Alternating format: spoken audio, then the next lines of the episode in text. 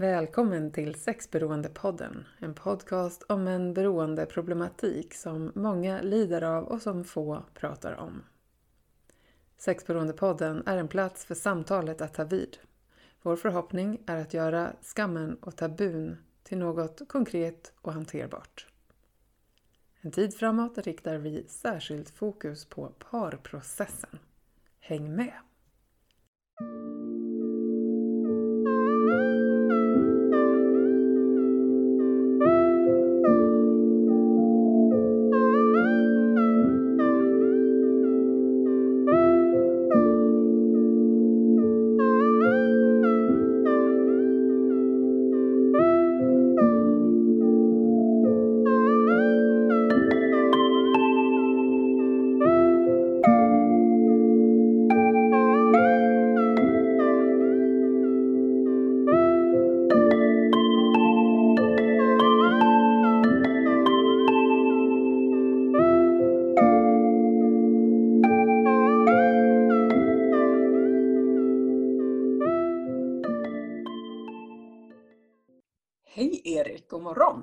God morgon Tove! Hej hej! Hej! Hur är läget med dig idag?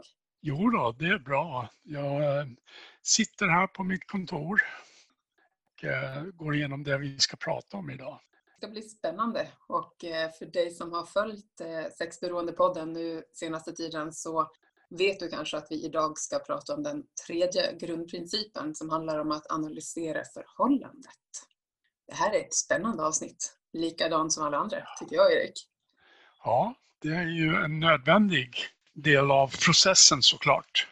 Om man i kort version skulle säga att analysera förhållandet, vad, vad är det? Vad gör man i, i, i den här processen hos er på DBK? Man får ju se det här som en process såklart och de här olika grundprinciperna är olika avstamp i processen att, att så att säga återskapa liksom, relationen. Då är det ju så här att väldigt mycket utav den gamla relationen, den relationen som fanns innan de sexuella hemligheterna lades på bordet, den byggde ju på lögner och hemlig, hemligheter i mer eller mindre hög grad. Det innebär då att partners till sexberoende mäns reaktion är att allt som oftast att, ja men herregud, ju, vi har ju levt i en lugn alla de här åren eller den här tiden som vi har varit mm. tillsammans. Och det stämmer ju i viss mån såklart. Därför så behöver man liksom titta på hur kärnan i förhållandet är. Om, om det finns en kärna kvar i förhållandet så går det ju att bygga vidare. Är relationen död, då går det ju inte att bygga vidare. Och nu har man ju gjort en sån här terapeutisk avslöjande. Den sexberoende mannen har arbetet med grundprincip nummer sex som vi kommer att prata om lite senare som handlar om att återskapa tillit och förtroende. För väldigt mycket utav det arbetet ligger hos den sexberoende, sexberoende eftersom det är ju han som, som eh, har liksom åstadkommit skadorna så, genom sina beteenden. Och genom handling och eh, agerande kan också visa på att det går att ha tillit nu och framåt. Mm. Ja, precis. Och, och, då handlar det ju om, precis som vi kommer att prata om när vi pratar om det, den grundprincipen, det handlar ju om att, att vara proaktiv när det gäller ärlighet och så här. Att vara involverande. För mig, när jag har läst på inför idag, vårt samtal, så kan jag känna att analysera förhållandet. Liksom, hur är relationen? Hur är den nu och var kommer det ifrån? Och där, för dig som kanske inte har lyssnat på tidigare avsnitt så är det ju så att innan tredje grundprincipen så har man ju också jobbat med klargöranden och mycket transparens och det terapeutiska avslöjandet som du säger Erik. Och att någonstans sätta, liksom, lägger korten på bordet, att här kommer vi, här, vi kommer från det här, här är vi nu och någonstans, hur vill vi att det här ska vara framåt? Ja, precis. Och, och, och det är ju också så här att när det gäller partners så har de kommit till en punkt nu då där det är möjligt att göra ett beslut utifrån att de har fått all information som de behöver för att kunna göra ett, ett kognitivt beslut om hur de ska ha det. Jag tänkte på det här med att båda parterna har ju också skaffat sin egen plattform eller forum för tillfrisknande. Under parprocessen? Under parprocessen. Och, och, så har de också, precis som du var inne på, arbetat med liksom lagt allting på bordet. Ja. Och det är ju en förutsättning för att kunna liksom analysera det här förhållandet ut, utifrån hur det, hur det är. Så, jag brukar säga det att den gamla relationen måste dö för att man ska kunna skapa någonting nytt. Men det, är lite överdrivet alltså för att det är ju, men mer eller mindre stora delar av kärnan i förhållandet behöver liksom omvärderas. Om jag säger ja, så. och jag tänker att när man säger att det gamla behöver dö för att nytt ska få gro. Jag tänker i förra avsnittet så avslutade vi med den här liknelsen om eh, rabatten eller trädgården. Och vad är det för ogräs vi rensar, vad har vi för eh, näring i den här jorden? Och vad vill vi sätta för frön, ungefär så. Och det tänker jag, att låta någonting dö, ju, det kan ju låta så hemskt och, och hårt. Men jag tänker att ibland måste vi också få verkligen komma till freds med och lämna vidare det där som, ja men det här har varit, nu får vi lägga undan det. Vad ska vi göra härifrån och framåt? Alltså på ett bildligt sätt. För, för oss, många av oss tänker att döden är ju bara en negativ koppling, men jag tänker att det finns ju också någon form av frihet i att eh, släppa taget om det som har varit och att vara nu här och framåt. Mm. Om det är bearbetat i alla fall. Precis, och det, det hänger ju ihop med det här med att ur varje kris föds en ny möjlighet. Och det är ju likadant med det här, att utifrån krisen som par så kan man kolla vad är det som vi ska behålla från den gamla relationen och vad är det som vi behöver arbeta för att förändra och så här. Va? Och ni jobbar med olika teman uppfattar jag det som under den här eh, grundprincipen. Olika saker som ja, kommunikation, intimitet, vardag, värderingar. Ja, vi, vi har ju fyra olika områden som vi brukar rekommendera våra par att reflektera över och inventera. Och den ena det är ju samhörighet och samstämmighet. Va? Och den andra det är intimitet och den tredje det är livsstil och den fjärde är kommunikation. Och så finns det olika frågeställningar eh, utifrån de här, de här teman. Så om du, om du till exempel tar temat samhörighet och samstämmighet så tittar vi på hur kommunicerar ni med varandra? Vad händer med er båda två när ni har olika synpunkter och åsikter? Har ni olika intressen? Saker som ni gör på framtiden, olika hobbys och hur ser det ut? Har ni liknande värderingar om hur man lever livet och vad, vad relationer innebär och så här? Va? Och vad har ni för personliga mål? Och eh, hur skulle ni beskriva era olika personligheter? Så, för varandra. Så, mm. Det här sker då i eh, samtal hos er? Ja, det sker på två sätt. Det sker dels genom eh, samtal med oss, men det stora arbetet det gör man faktiskt hemma genom att man får uppgifter om de här olika teman som man diskuterar hemma. Sen när man har diskuterat klart så bokar vi in par samtal så får man prata vidare om, om de här vad man kommer fram till. Temat intimitet till exempel. Det finns en, jag, hör, jag hörde en uh, sån uttryck för ett tag sedan som ganska väl beskriver intimitet tycker jag. Into me you see. Mm. Alltså eh, förmågan att vara öppen och, och förmågan att vara, också vara sårbar och visa vem man egentligen är och så här. Va? Och det är ju så att säga en väldigt viktig kärna i par, så att, att den förmågan finns. Liksom. Och en ganska stor övning, om vi ju också då är ju här av anledningen av att beroendet har fyllt en funktion av att fly undan det smärtsamma eller ha det som strategi att hantera smärtsamma känslor som, som är svåra, så tänker jag också att intimitetssårbarhet i nykterhet Och tillfrisknande kan ju kännas på lite olika sätt och att ändå våga vara i den där öppenheten och intimiteten. Ja, precis. Och, och, det handlar ju verkligen om att våga. För att om det finns någonting som är gemensamt för par, både, både personerna i en parrelation, det är ju rädsla för övergivenhet. Och det finns ju väldigt många olika lösningar på hur man, hur man gör med den rädslan. Mm. Kan, du, kan du utveckla det lite? För det där tror jag är eh, viktigt. De allra flesta, eller alla människor, vill ju, eh, som vi nog har nämnt tidigare, ha ett tryggt sammanhang. Trygghet är ju en av våra absolut viktigaste mm. Eh, och starkaste, ett av de viktigaste basbehoven, kort sagt. Och det här rädslan för övergivenhet kan ju få oss människor att göra alla möjliga mm. saker. Vad är din erfarenhet och vad ser ni kring de här frågorna? Ja, i fas 3 i vår behandling så har vi eh, gemensamma grupper med, med partners och sexberoende män. Man är inte samma grupp som, som sin partner, men, eh, men man är en grupp som består av sexberoende personer och partners till sexberoende personer. Och det finns en anledning till det.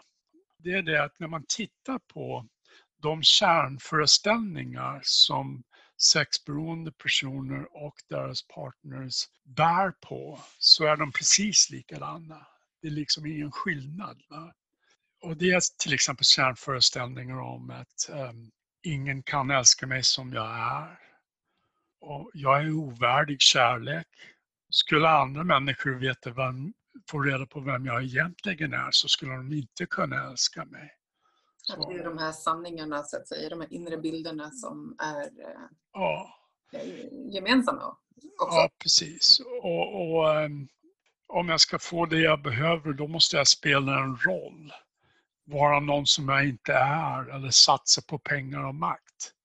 Annars kommer jag aldrig att få det jag behöver. Om jag ska lita på andra så kommer jag aldrig att få det jag behöver. Det som är skillnaden när det gäller de här negativa kärnföreställningar som, som både partners och sexberoende män bär på, det är just den här när det gäller sex. För sexberoende personer så är det att sex är mitt viktigaste behov. Och för deras partners är det oftast att sex är det primära beviset på kärlek. Annars är det precis samma kärnföreställningar. Mm. Så. Mm. Och, och de här kärnföreställningarna syftar då också till att undvika risken för övergivenhet. Är det så ja, precis. ihop det? Ja, precis. Att man liksom inte litar på att man kommer att få det man behöver av andra. Så här. De här grundläggande kärnföreställningarna, de finns ju med från första ögonblicket som man träffades. Det, det finns i det här dolda språket i det omedvetna. Liksom. Och, och är också en anledning till varför man blir ihop från början faktiskt. Och jag är medveten också om att det där är väldigt svårt för många partners att fejsa. Men det är ju vår erfarenhet att det är på det sättet. Jag läste här om dagen på det här fantastiska Instagram, sociala medier-världen, det här med att börja dejta en person och inte så småningom eller ganska i närtid veta någonting om den personens anknytningsmönster. Det är som att liksom gå över ja, en öken utan karta. Liksom. Det är inte att ja, ha en rätt förutsättning för att mötas i, i bra dialog och kommunikation. Att vi, Nej. om vi kan ganska tidigt ha en aning om dels sitt eget eh, anknytningsmönster och också potentiell partners eh, grundsättning, för det är det vi pratar om här, ja. Eh, som också ger lite olika utslag så att säga på hur mm. vi beter oss i relation för att undvika övergivenhet. Ja, det ger lite olika förutsättningar men det är inte de flesta av oss frågar inte det på första dejten. Och det kanske är klokt. Men, eh, ja, här får man nu jobba med att kartlägga det i en aktuell bild. Vad behöver vi här? Ja, ja precis. Det, det, finns ett annat problem just med dating på, via nätet. Så här? Det är ju det att det är ju väldigt mycket när man, träff, när man ska dejta en annan människa. Dating, det, det, det begreppet, det betyder ju lära känna en, en människa. Det är ju det som är dejt. Det är ju därför man dejtar, för att lära känna någon. Mm. Liksom. Och väldigt mycket ute det där Eh, när man lär känna en annan människa, det sker genom kroppsspråk och sättet uttryck, uttrycka sig. Det, det är liksom det här dolda språket som, som är väldigt betydelsefullt i romantik och så här. Va? Problemet är att om det sker via nätet så, så finns inte det på samma sätt. Och vid något specifikt tidpunkt så finns det en risk att, att man kompenserar avsaknaden av det genom, genom att bygga en egen fantasi. Och då, då vid någon specifik tidpunkt så kan fantasibilden om vem den här personen är tar över och blir viktigare än verkligheten. Så att när man träffar personen då kan det bli världens krock liksom. Och man kan sitta där och så kan man, hur fan, vad har jag gett mig in i? Vem är du? Ja, och lika mycket då tillbaka kan man ju då råka hamna i upplevelsen, tänker jag mig, att jag inte blir sedd för den man i grunden är, utan en bild av den du vill se. Ja, precis. På det sättet. Ja, precis. Ja, det är intressant. Nu kanske det är ett sidospår, men jag blir ju också nyfiken jag på För jag tänker att dating via nätet idag är ju allt större. Och vi har ju pratat också om det här med sexberoende, hur det kan ta sig uttryck via internet och sådana här saker. Hur ser det ut? Vet ni det hos er? Är det många som de, av de som går hos er, är det många som har träffats via nätet eller live så att säga? Vet man det? Det, det, är ganska många, jag har ingen statistik på det, men jag, gissningsvis då så är kanske ja, uppemot 75 procent har träffats via nätet. Så. Just en intressant reflektion utan att göra så mycket mer med det. Men eh, jag kan tänka att nätdating är ju allt större idag. Ja. Och som du säger så ger du lite olika sätt att lära känna varandra eh, utifrån att så mycket av oss, eh, av det vi kommunicerar som människor är ju kroppsspråk och mellanrum. Ja, precis. Vi har ju, om man, om man tänker, vi, vi har ett begrepp som vi kallar för cybersex eller cybersex. Just det. Och det, det begreppet det är samlingsordet för alla de sexuella uttryck som finns på internet. Och det innefattar i princip två olika kategorier. Mm. Den ena kallar vi för sociala medier. Det är datingsajter, det är, det är liksom ren och skär sajter där man träffar sexuella kontakter och appar där okay. man kan träffa och, och, den typen som innebär en social interaktion. Så, va? Den andra kategorin det kallar vi för isolerande medier. Det är ju i princip porr. Porr är ett isolerande medium. det gör man oftast i sin ensamhet. Så ni gör en skillnad på de två eh, begreppen? Eller? Ja, ja precis. Ja. Så människor, människor söker hjälp för både sociala medier och för isolerande medier. Om man går tillbaka så har vi pratat en del om samhörighet och samstämmighet, intimitet. Vardag och livsstil nämnde du också. Ja, just det. det. det. man får göra då väldigt ofta, det vi föreslår i alla fall våra patienter, det är att man tittar, tittar på hur livet var innan sexberoendet avslöjades i parförhållandet. Hur var det när det gäller hem, hemmet? Alltså hemmiljö, vem gjorde vad och så här. Va? Hur var det för er när det gäller föräldraskap? Hur var det när det gäller vänner, alltså människor utanför eh, familjen och så. Va? Mm. Hur var det när det gäller hobbys och olika sätt att fördriva tiden? Och när det gäller svärföräldrarna, vad hade ni för relationer med dem? Och hur var det när det gäller pengar och arbete? Och så tittar man på de här olika aspekterna av eh, livsstil mm. och, och liksom pratar med varandra om hur man ska ha det från och med nu då. Vad är möjligt och finns det någonting i de här olika frågeställningarna som jag skulle vilja förändra eller som du skulle vilja förändra och på vilket sätt i så fall liksom, utifrån den nya situationen som har uppstått. När du säger det så tänker jag att det verkligen ju hör ihop med det du nämnde inledningsvis, det här med tillit och förtroende. Att i den här processen, det blir ju som en växelverkan eller en vågrörelse mellan de här olika grundprinciperna också. Ja, just det. Får jag uttrycka vad jag känner är viktigt i, i mitt liv just nu kring pengar och arbete? Hur tar du emot det? Eh, har jag tillit till att jag kan uttrycka det här på temat också intimitet? Ja. Att kika på ett eget behov idag och att få Ja. se hur du tar emot det som partner. Så att säga. Ja. Mm. Och Till exempel bara så här att jag vill berätta en sak för dig Pelle. Jag har alltid tyckt väldigt illa om din mamma. Hon kommer hit och lägger sig i allting jag gör och jag är jävligt trött på det. Ja. Vad säger du? Det har- jag aldrig fattat. Liksom. så, så det är ungefär så, så man, man tittar på de här grejerna. Att våga uttrycka. Ja. Mm. säga som det är. Vi har ju som jag och min partner Eva, vi har ju fortfarande efter 25 års samboförhållande bråk om vatten som spills på diskbänken och att man inte torkar upp efter sig. Ja, de par som inte ibland eh, funderar över sånt, ja, jag vet inte. Hör gärna av er med hur ni gör. Det vore intressant. Men jag Ja. tänker att det här är spännande faktiskt på temat kommunikation, för det är ju så Mm. olika vad vi behöver också. Och, och någonstans, hur, nyfiken fråga härifrån, att säga så här, men jag vill känna mig sedd. Ja, men vad betyder det?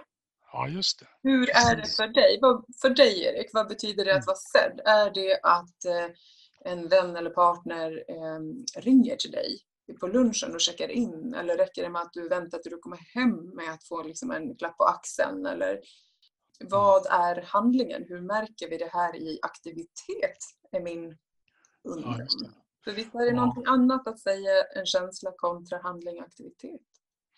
Ja, nej men eh, det som är eh, min erfarenhet det är ju att varje par har sin egen specifika kommunikationsmönster Mm. när det gäller sånt här.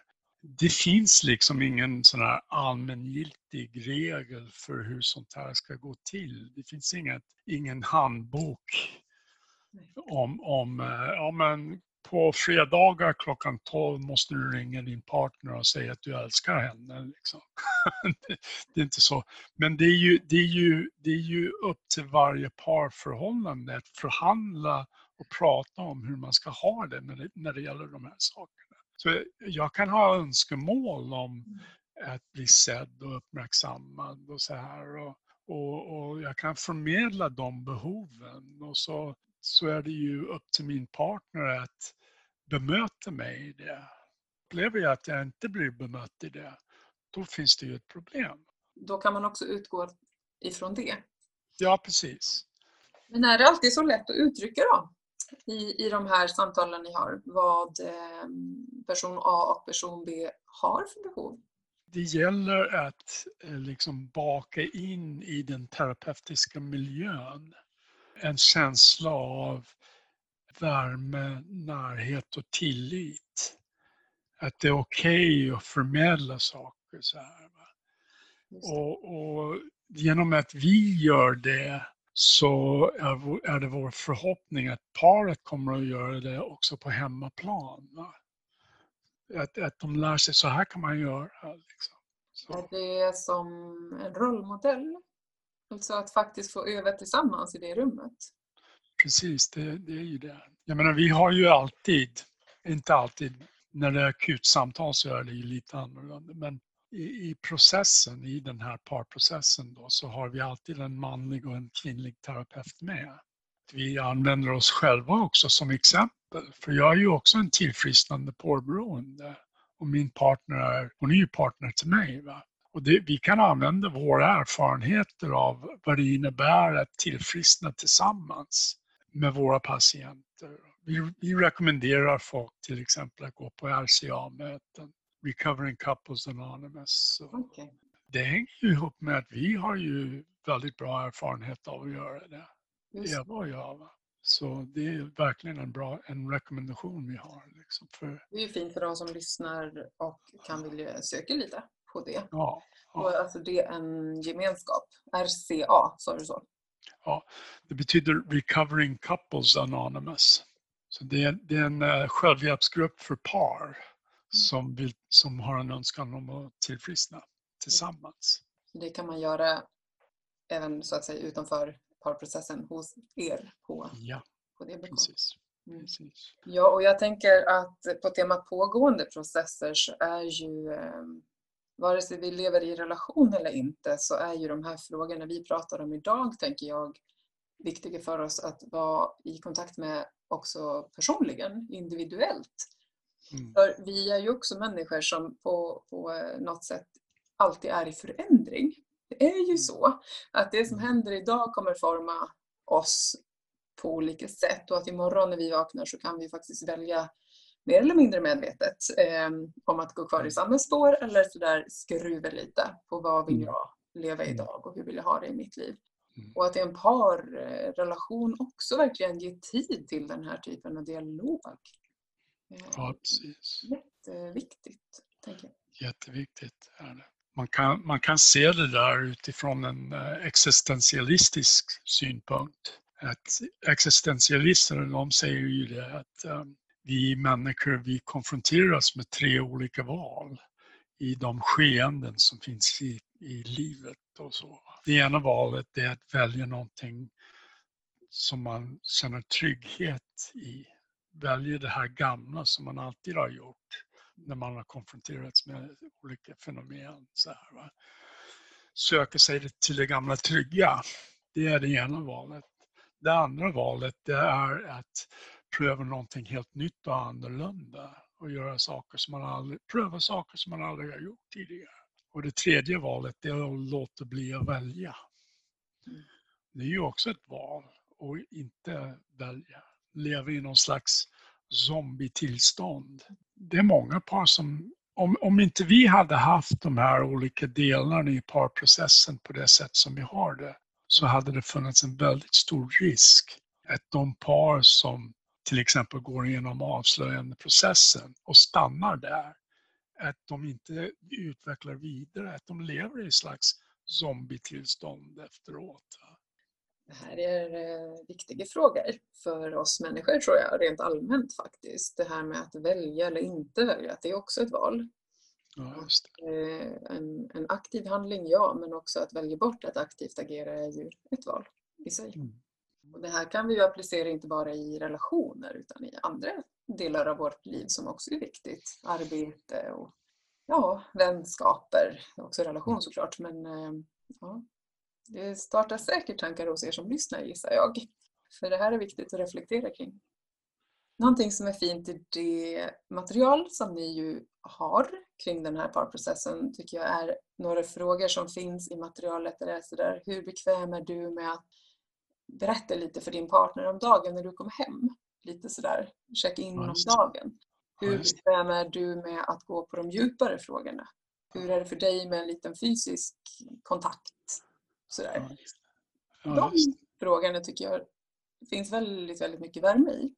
Hur jobbar ni med, med dem? När gör man dem i er parprocess? Jo, men, men det, är ju, det är ju precis det, är ju det fjärde temat som finns när man ska analysera förhållandet. Det är ju kommunikation det handlar om. Och hur kommunicerar ni olika saker som det du nämner nu. Vi rekommenderar våra patienter att träna på kommunikation på nya sätt och så. Genom just att vi har en grej som vi kallar för pardelning. Och det är en uppgift som, som par får där de tar en stund på kvällen innan de går och lägger sig, efter det att barnen har lagt sig och innan de själva går och lägger sig. Där de sätter sig ner och delar om specifika frågor. Till exempel, hur har min dag varit? Vad har jag vad, vad har det funnits för situationer där jag har behövt be om hjälp? Och vad har jag liksom bett om hjälp för? Och, ja, hur jag har haft det under dagen. Så här, va?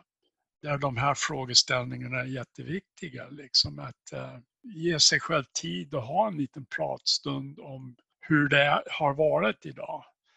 Får paret förslag från er eller hittar man på själv lite hemma? Jag tänker att det är lite olika lätt kanske att eh, om man övar på det här att också hitta på egna frågor. Hur har ni råd att ge till den som vill prova? Redan från början så har vi så, så får oftast par som går i behandling hos oss en övning i kommunikation och närhet som vi föreslår att de gör varje kväll. Det tar mellan 5 till 10 minuter att göra det. Vi rekommenderar att man gör det innan man går och lägger sig då. Där man sätter sig mitt emot varandra och håller varandras händer. Okej, okay, fysisk kontakt. Ja, precis. Mm. Och att man inte tänker ut någon svar eller man får inte ens kommentera det den andra personen säger. Och så har vi ett antal frågor som vi ber våra patienter att svara på. Till exempel, det bästa som har hänt mig idag är, och så berättar man det. Det sämsta som har hänt mig idag är, och så berättar man det.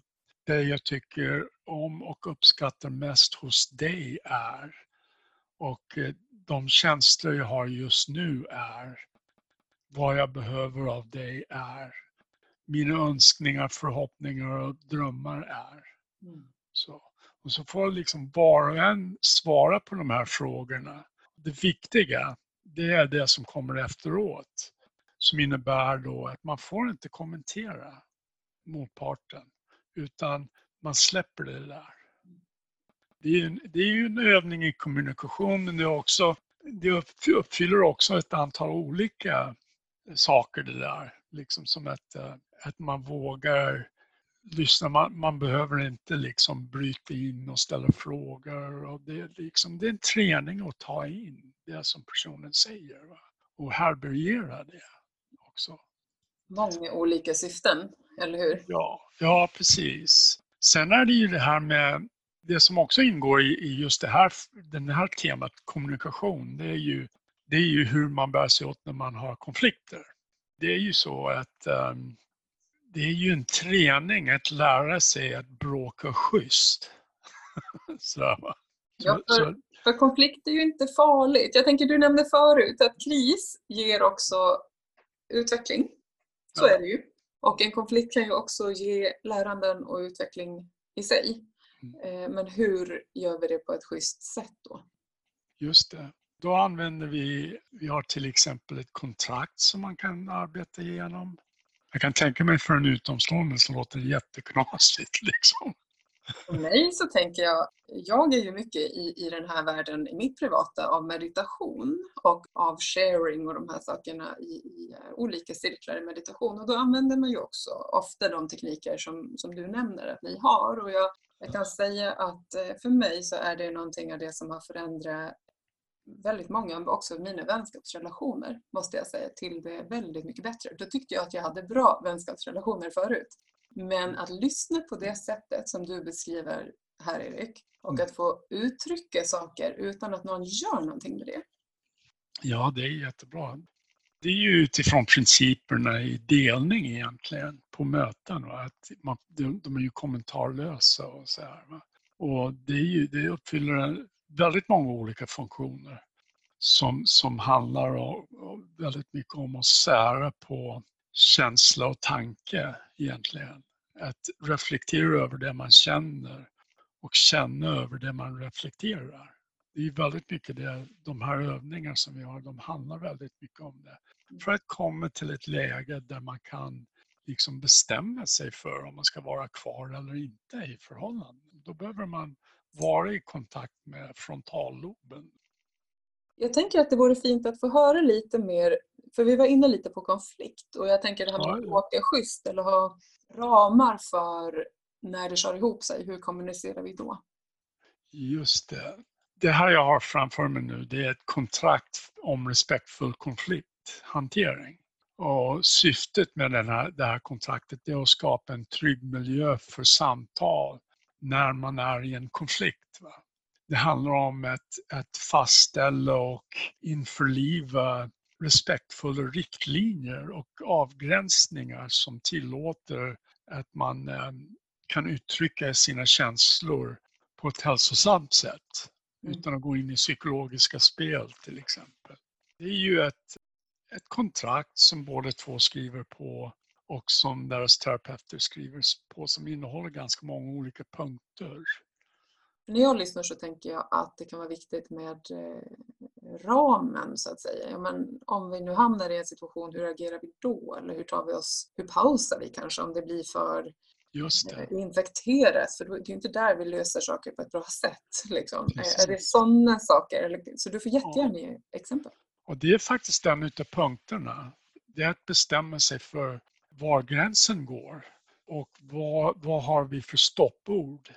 Okej, att definiera ett tryggt sätt att eh, Ett, paus. stopp, ett, Mm. ett pausa liksom. Ja. Då, då är det ju oftast, det en del par har, det är, det är upp till varje par att bestämma vilka ord de ska använda. En del säger så här, stopp.